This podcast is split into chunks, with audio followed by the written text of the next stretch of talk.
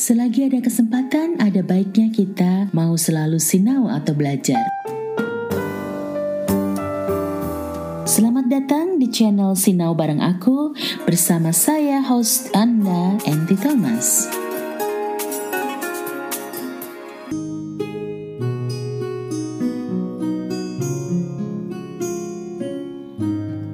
Konco-konco terima kasih telah setia sinau bareng aku. Di episode sebelumnya kita telah mengenal tahap perkembangan kepribadian dari pendekatan psikoanalisa. Nah, kali ini kita akan sinau tentang mekanisme pertahanan ego. Bagi kalian yang belum sempat menyimak bagian 1 dan 2 episode pendekatan psikoanalisa, saya sarankan untuk mampir dulu ke sana.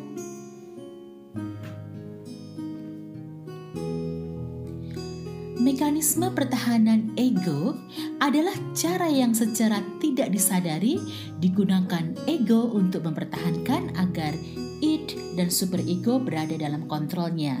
Kita sudah belajar bahwa ego ini adalah badan eksekutif dari kepribadian yang memutuskan apakah suatu impuls itu akan dipenuhi, bagaimana cara memenuhinya dan kapan akan memenuhinya konco-konco individu dengan dorongan untuk melakukan sesuatu yang terlarang akan mengalami kecemasan ketika itu tidak terpenuhi. Nah, cara-cara pertahanan ego ini dikembangkan oleh seseorang untuk menyembunyikan sesuatu yang dipandang kurang baik dan kurang wajar. Karena dengan cara demikian, kecemasan yang mereka rasakan akan mereda ketika mereka melakukan mekanisme pertahanan ego ini. Namun, strategi ini tidak mengubah situasi yang mencemaskan, hanyalah semata-mata mengubah cara orang menghayati atau memikirkan situasi tersebut. Ciri-ciri mekanisme pertahanan ego di antaranya adalah yang pertama, didasari oleh kecemasan. Yang kedua, dilakukan dengan tanpa disadari. Yang ketiga, merupakan reaksi spontan atau otomatis. Dan yang keempat, menolak atau memanipulasi kenyataan yang ada. Konco-konco, kita semua ini ya kita nggak boleh bohong. Kadang-kadang kita menggunakan mekanisme pertahanan karena memang mekanisme ini membantu kita mengatasi situasi stres yang sulit kita hadapi secara langsung. Kita cenderung menggunakan satu bentuk mekanisme pertahanan diri sampai kita dapat menghadapinya secara lebih langsung ketika kita sudah siap. Nah, ini belum belum menjadi masalah menjadi masalah bila penyesuaian kepribadian ini terlalu dominan dalam diri kita dan menjadi pola yang menetap. Jadi setiap kali kita menghadapi atau menanggapi suatu masalah, itu akan kita gunakan sebagai mekanisme pertahanan ego.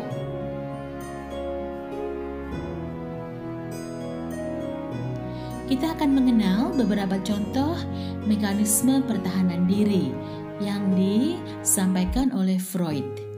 Yang pertama adalah represi. Freud menganggap represi sebagai mekanisme pertahanan yang paling dasar dan paling penting karena di dalamnya impuls atau memori yang menakutkan, yang menyakitkan itu akan ditekan dari kesadaran sampai ke bawah sadar. Nah, memori yang menimbulkan rasa sakit, rasa malu, rasa bersalah, atau mencela diri sendiri yang didapat dari pengalaman-pengalaman ini direpresi.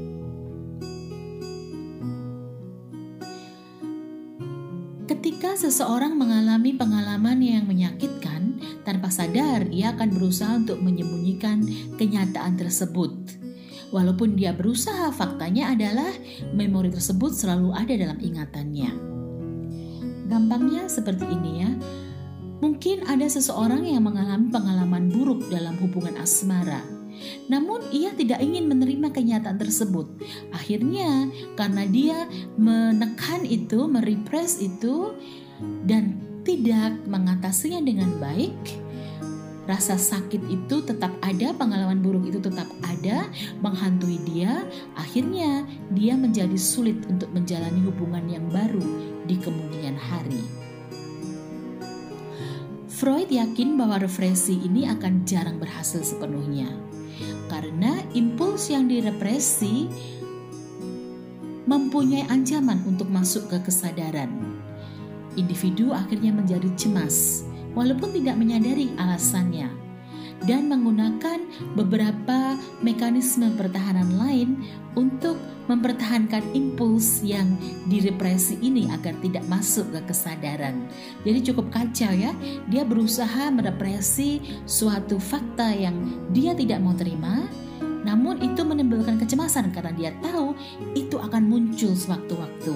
Nah, dia akan menggunakan mekanisme pertahanan-pertahanan lain untuk mempertahankan impuls yang direpresi ini, mencegahnya masuk ke ke kesadaran dia.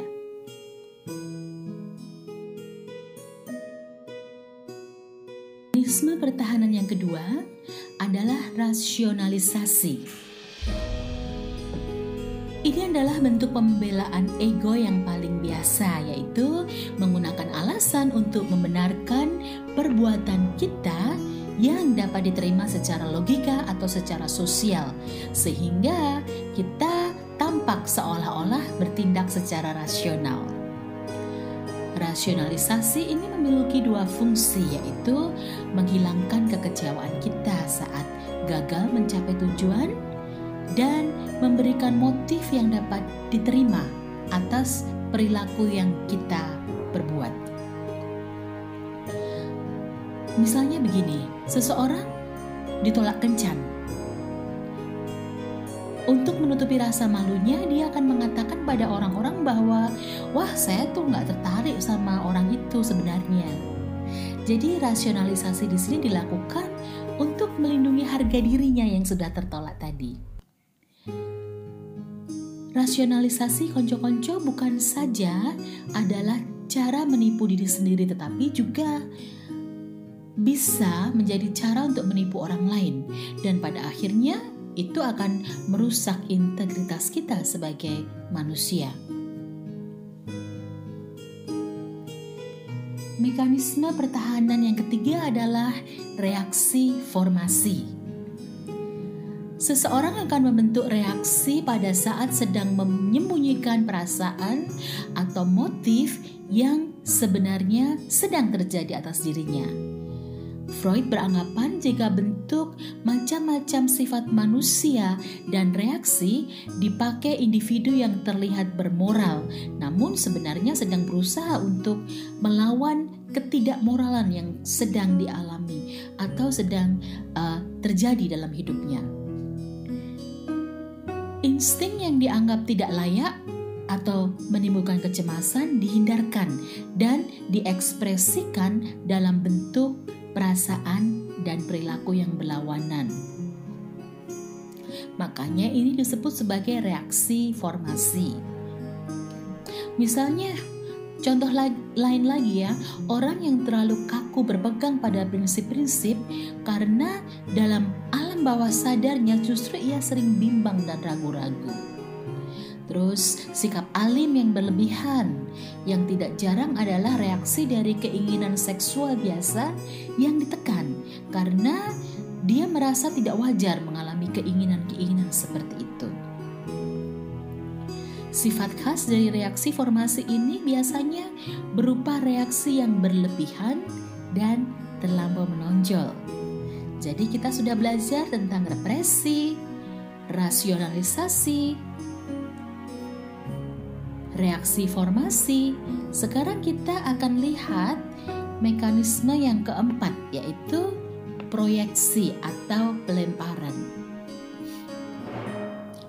Kita semua cenderung untuk tidak mengakui beberapa kekurangan yang ada pada diri kita.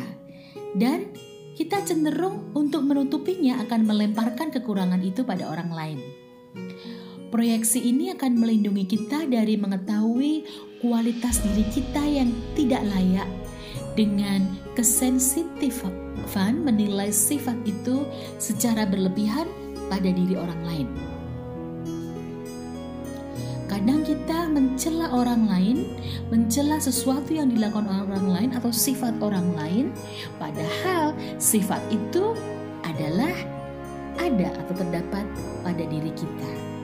Semakin kasar dan berlebihan, kebencian itu dinyatakan terhadap kesalahan atau sifat-sifat apa pun, semakin dapat diduga itu adalah proyeksi.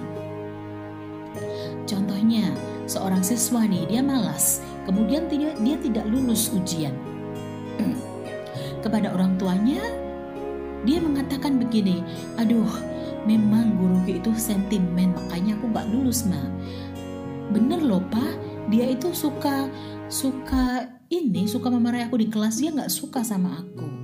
Makanya aku nggak dilulusin nah itu contoh-contoh dari proyeksi mekanisme pertahanan yang kelima adalah intelektualisasi ini adalah upaya melepaskan diri dari situasi stres dengan menghadapinya dengan cara menggunakan istilah-istilah intelektual, istilah-istilah abstrak yang sulit untuk dipahami orang. Jenis pertahanan intelektualisasi ini sering kali diperlukan oleh orang-orang yang dalam pekerjaannya banyak menghadapi masalah hidup dan mati. Misalnya, dokter yang terus-menerus harus berhadapan dengan penderitaan manusia tidak dapat tidak berusaha untuk terlibat secara emosional dengan tiap pasiennya. Padahal faktanya suatu pembebasan mungkin penting bagi dokter-dokter tersebut agar ia dapat berfungsi secara kompeten agar dia tidak stres terbeban oleh penderitaan orang lain. Nah, mekanisme intelektualisasi tersebut bisa mengurangi pengaruh tidak menyenangkan untuk dirinya sendiri sebagai cara untuk mengatasi stres dan memberikan kesempatan agar seseorang bisa lebih meninjau suatu masalah dengan lebih objektif.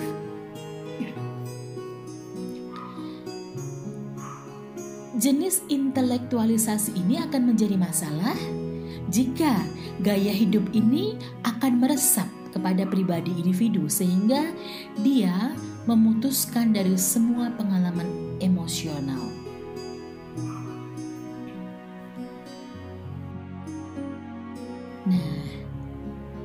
Konco-konco kita sudah tahu apa itu mekanisme pertahanan, represi, rasionalisasi, reaksi formasi, proyeksi atau pelemparan, dan intelektualisasi.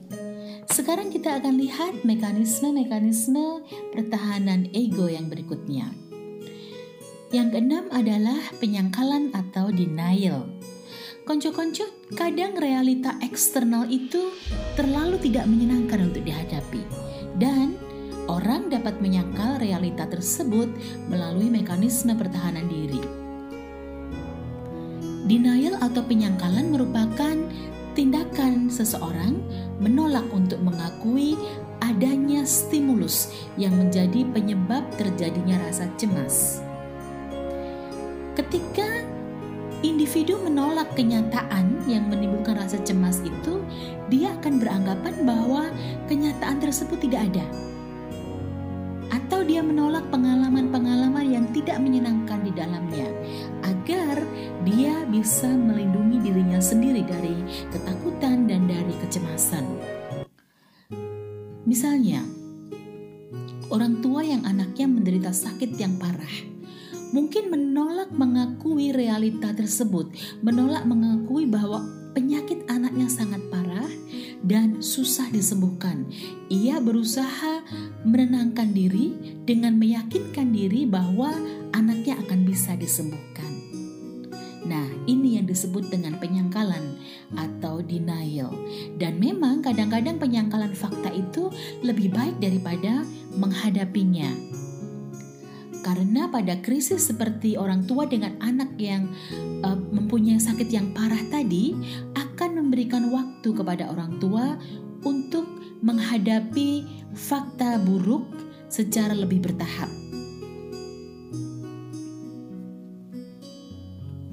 Mekanisme pertahanan ego yang ketujuh adalah pengalihan atau displacement. Ini sebenarnya adalah usaha tidak sadar individu untuk memuaskan kebutuhan impuls age dengan mengganti objeknya secara tidak langsung karena objek yang langsung yang dapat memuaskan id ini tidak tersedia atau kadang ada tetapi dilarang. Istilah yang biasa kita gunakan adalah mencari kambing hitam. Misalnya, mungkin kita bereaksi amat kasar dan tidak wajar bila seseorang uh, melakukan sedikit saja kesalahan kepada kita.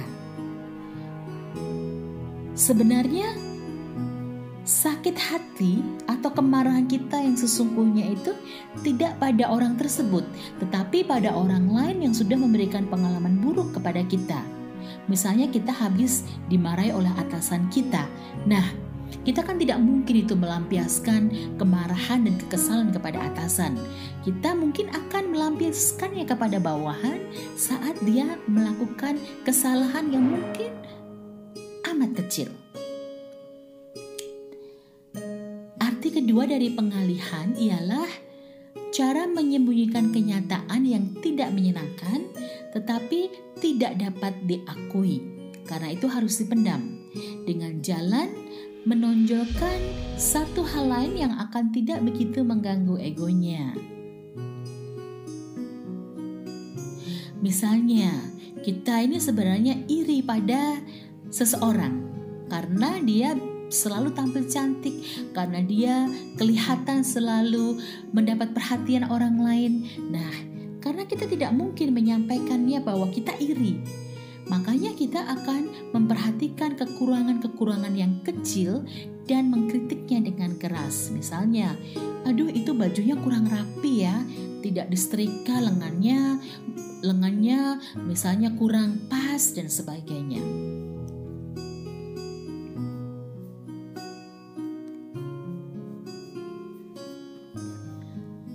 Mekanisme pertahanan ego berikutnya nomor 8 di sini adalah regresi. Regresi ini adalah suatu reaksi terhadap kecemasan atau frustasi di mana individu menampilkan perilaku yang menunjukkan kemunduran dalam tahap perkembangannya yang sekarang. Misalnya, seorang anak sudah tidak terbiasa mengompol, tapi tiba-tiba dia mengompol lagi karena kecemasan yang dialami mau masuk sekolah. Atau anak tersebut yang tadinya sudah tidak menghisap jempol, namun tiba-tiba karena memiliki adik, uh, merasa perhatian ibunya terhadap dirinya berkurang, akhirnya dia menghisap jempol lagi. Yang berikutnya adalah sublimasi, yaitu pemindahan di mana impuls it yang tidak dapat diterima akan dipindahkan oleh individu sehingga secara sosial dapat diterima. Perlu diperhatikan bahwa dorongan dasar ini tidak dapat diubah, tetapi kita dapat mengubah objek yang menjadi tujuan dorongan itu kepada hal yang lebih positif, misalnya kepada olahraga, atau seni. Kecil kemungkinan bahwa pengalihan itu akan benar-benar menghilangkan impuls yang mengalami frustasi, tetapi aktivitas pengganti dapat membantu menurunkan ketegangan saat dorongan dasar terancam. Nah, mekanisme pertahanan sublimasi ini adalah proses dengan apa kehendak-kehendak yang tidak sadar dan tidak dapat diterima secara sosial disalurkan menjadi aktivitas yang memiliki nilai sosial yang tinggi. Misalnya, seorang wanita ini ya dengan kebutuhan agresivitas yang kuat akan memindahkan energinya dalam bentuk kegiatan sosial yang lebih atau yang dapat diterima oleh lingkungan sosial dia. Misalnya dia akan menjadi uh, aktivis kegiatan sosial, misalnya dia menjadi seorang penulis novel yang aktif dan sebagainya. Mekanisme pertahanan ego berikutnya adalah identifikasi. Ini cara meredakan ketegangan melalui imitasi atau meniru atau mengidentifikasikan diri dengan orang-orang yang dianggap lebih berhasil dalam memuaskan kebutuhannya. Identifikasi ini adalah cara seseorang mengambil alih sifat atau keadaan orang lain sedemikian rupa sehingga sifat tersebut menjadi bagian dari dirinya. Ini sering kita lakukan untuk atau pada saat kita ingin menutupi kekurangan atau kelemahan yang terdapat diri pada diri kita sehingga kita tidak percaya diri. Meskipun demikian, konco-konco identifikasi ini tidak harus berkonotasi negatif karena tindakan ini kadang dapat dimengerti sebagai bagian dari proses menuju pencarian diri.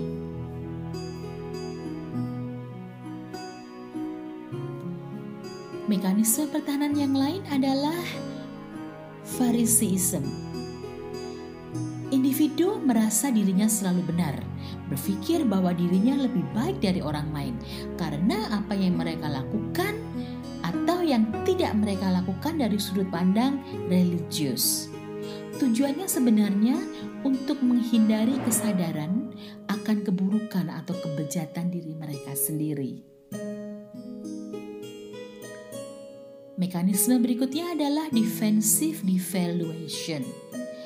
Berhubungan dengan Phariseeism, individu secara terus-menerus mengkritik orang lain untuk sebenarnya meyakinkan dirinya bahwa ia lebih baik daripada orang lain. Ini merupakan cara utama yang digunakan hampir oleh semua orang menurut Freud untuk menutupi perasaan inferior atau minder yang tidak disadari.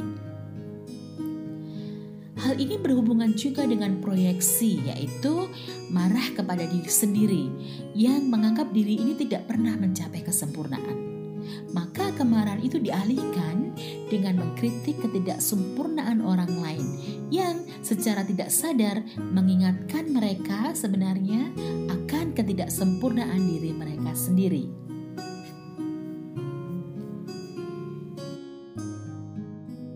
Yang berikutnya kita akan melihat apa yang dinamakan dengan kompensasi. Ini terjadi ketika seorang berusaha menghiasi atau memperbaiki kekurangan dirinya yang nyata. Mereka menutupi kelemahan dalam dirinya dengan menonjolkan sifat lain, lalu dicari kepuasan secara berlebihan dalam hal lain yang ditonjolkan tersebut. Misalnya nih ya, anak yang merasa tidak pandai di sekolahnya kemudian menunjukkan sikap seolah-olah dia jagoan di sekolah agar disegani oleh teman-temannya. Mekanisme pertahanan ego berikutnya adalah pasif agresif. Ini ketika kita melihat seseorang itu nampak pasif dari luarnya, menerima perlakuan yang tidak adil atau menyakitkan, namun sebenarnya sedang menekan kemarahannya dan sedang membalas dengan cara-cara yang tidak langsung. Orang pasif agresif menunjukkan sikap pasif ketika berhadapan dengan orang lain seperti tidak mau membantah, selalu mengiyakan atau patuh. Namun dia menyimpan karakter agresif di dalam dirinya Sikap-sikap yang tampak seperti menghindari orang yang tidak disukai, menjelek-jelekkan orang di belakang, menunda atau mengerjakan sebuah pekerjaan yang meskipun diterima namun sebenarnya tidak disukai. Orang pasif agresif ini berpotensi menjadi agresif saat dia memiliki kesempatan. Nah, konco-konco, mekanisme pertahanan ego yang terakhir akan kita bahas di sini adalah withdrawal atau menarik diri. Ketika seseorang menarik diri dari situasi yang mengancam, baik secara fisik maupun mental, dia tidak akan menghadapinya, namun dia memilih untuk mundur, untuk menarik diri. Jadi, masalah tidak selesai, namun dia menarik dirinya keluar dari masalah itu atau menghindari untuk menghadapi masalah itu.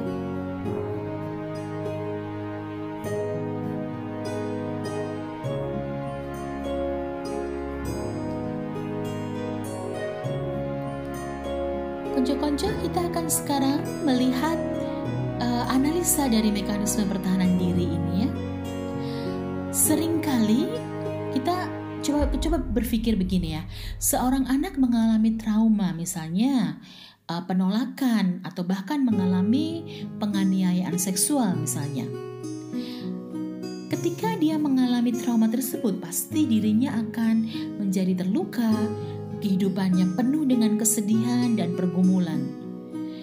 Akibat dari trauma tersebut, tentu saja kegelisahan emosional, dorongan impulsif yang destruktif, dan ancaman akan harga dirinya. Maka, untuk menghadapi keadaan tersebut, seseorang biasanya akan mengembangkan pola reaksi yang tidak sehat dan yang berdosa, seperti misalnya diam dan menguburkan masalahnya, terus menyimpan kepahitan dan kebenciannya. Hal lain yang mungkin dia lakukan adalah mekanisme pelarian, yaitu pola dasar seseorang untuk melarikan diri nih. Mula-mula secara fisik, namun kemudian ia akan lari secara mental juga. Prinsip orang ini sebenarnya melarikan diri untuk menyelamatkan hidupnya dari ancaman bahaya. Ada juga bentuk-bentuk pelarian orang yang secara umum dilakukan, misalnya um, menjadi terlibat pada narkoba dan minuman keras, menjalankan praktek-praktek okultisme, menjadi petualang cinta, ataupun menyenangi hubungan seksual di luar nikah. Nah, mekanisme pertahanan diri adalah mekanisme yang dilakukan seseorang yang terbiasa melawan, mula-mula secara fisik, kemudian secara mental juga. Prinsip yang dipegang orang yang melakukan bentuk mekanisme pertahanan diri ini adalah jangan ada orang yang dapat melukai atau mengganggu pikirannya. Contoh mekanisme yang sering dilakukan mungkin mengeraskan hati, menjaga jarak dengan orang lain sehingga sulit intim dengan orang lain, diri, menyalahkan orang lain, menyangkal kebenaran, atau melarikan diri ke dunia fantasi.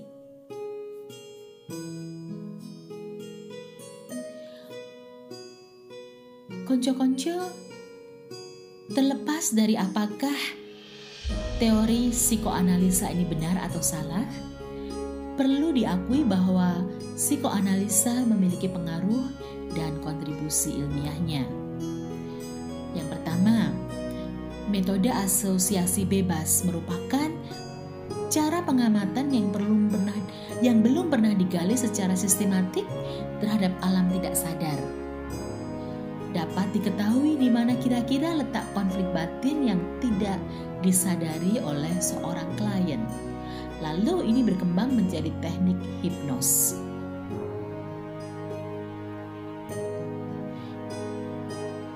Kemudian kesadaran bahwa perilaku kita sering kali mencerminkan kompromi dan konflik antara keinginan dan ketakutan kita yang diperoleh dari penjelasan mekanisme pertahanan ego.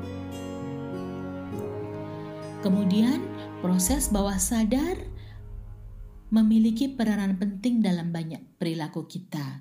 Pandangan ini hampir diterima secara universal.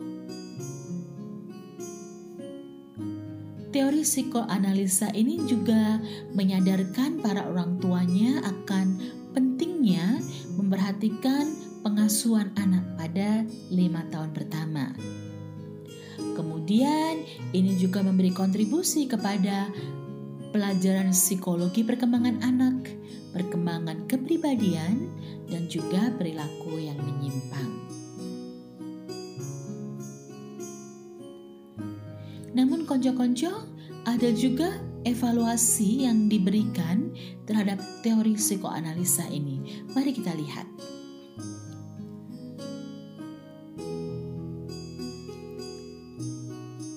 Teori psikoanalisa ini memandang semua hal, yaitu tingkah laku, pikiran, dan motif itu berasal dari alam bawah sadar. Pandangan ini seolah-olah merampas rasionalitas manusia. Teori ini membuat seseorang untuk tidak bertanggung jawab atas perbuatannya sendiri dan menyalahkan alam bawah sadarnya.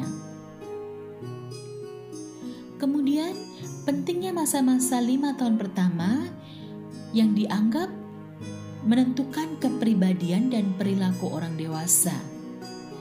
Di sini ada alasan untuk menyalahkan orang tua dan lingkungan karena kebutuhan-kebutuhan yang tidak terpenuhi dan trauma-trauma yang pernah dialami. Maka keadaan ini, pendapat ini sebenarnya merampas kehendak bebas manusia, memandang manusia itu pasif, tidak berdaya, dan semata-mata merupakan produk lingkungan dan orang tua. Teori ini juga melihat semua perilaku berasal dari motif psikoseksual. Freud di sini dianggap terlalu menekankan dorongan seks dan merendahkan martabat manusia.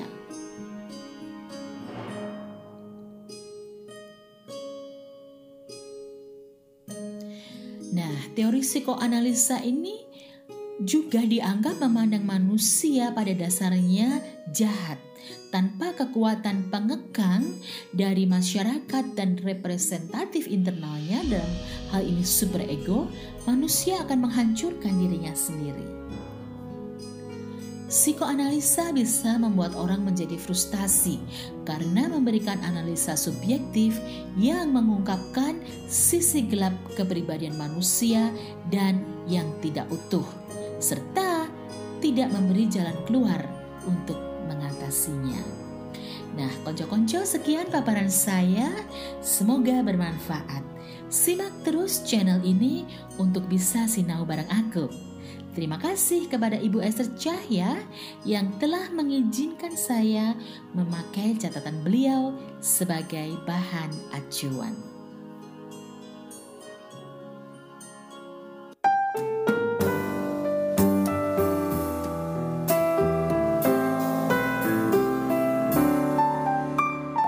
Bersama saya Inti Thomas. Terima kasih dan sampai jumpa di episode Sinau bareng aku selanjutnya. Bye bye for now.